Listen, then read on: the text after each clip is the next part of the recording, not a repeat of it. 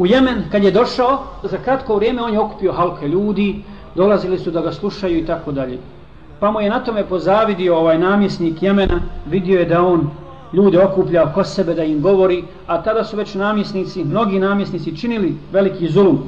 Od tih zulumčara je bio i taj namjesnik u Jemenu koji se zvao Hamad al-Barbari, koji je ispred Harunu Rašida, dakle ispred halife Harunu Rašida koji je tada bio halifa, basijski halifa,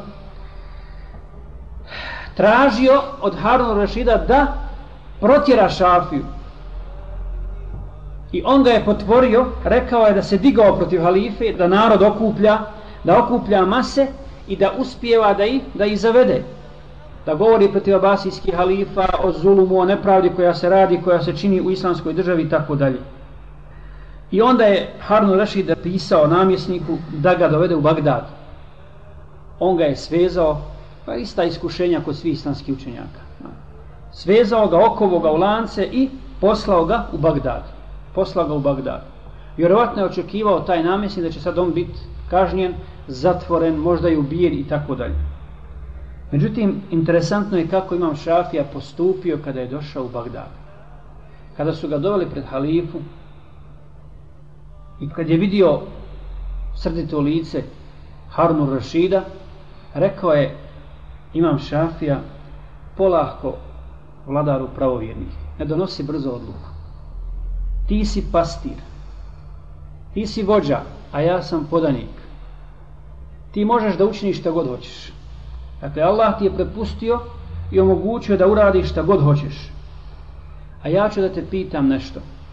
Šta kažeš o dvojici ljudi za, od kojih jedan mene smatra bratom a drugi me smatra robom mislići na ovog namjesnika u Jemenu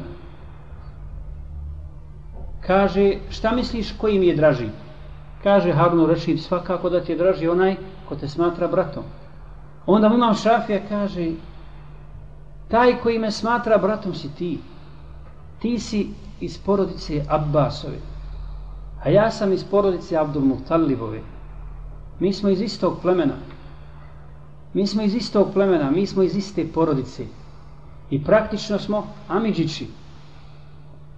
I kako možeš dozvoliti da me ponovo vratiš onome kome smatra robom, a da ne ostanem kod onoga kome smatra svojim bratom ili Amidžićem.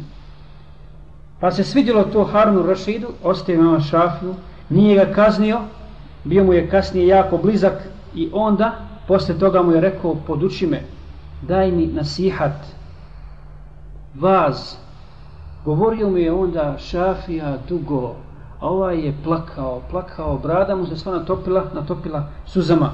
Dakle pogledajte koliko je Allah Đelešanu uzdigao spomenu imam šafiju. Ovaj namjesnik zulumčar hoće da ga uništi da ga ubije da ga kazni samo da ga nema, da se ne širi islamsko znanje, da se ne širi islamsko znanje među muslimanima, da nema takvih ljudi.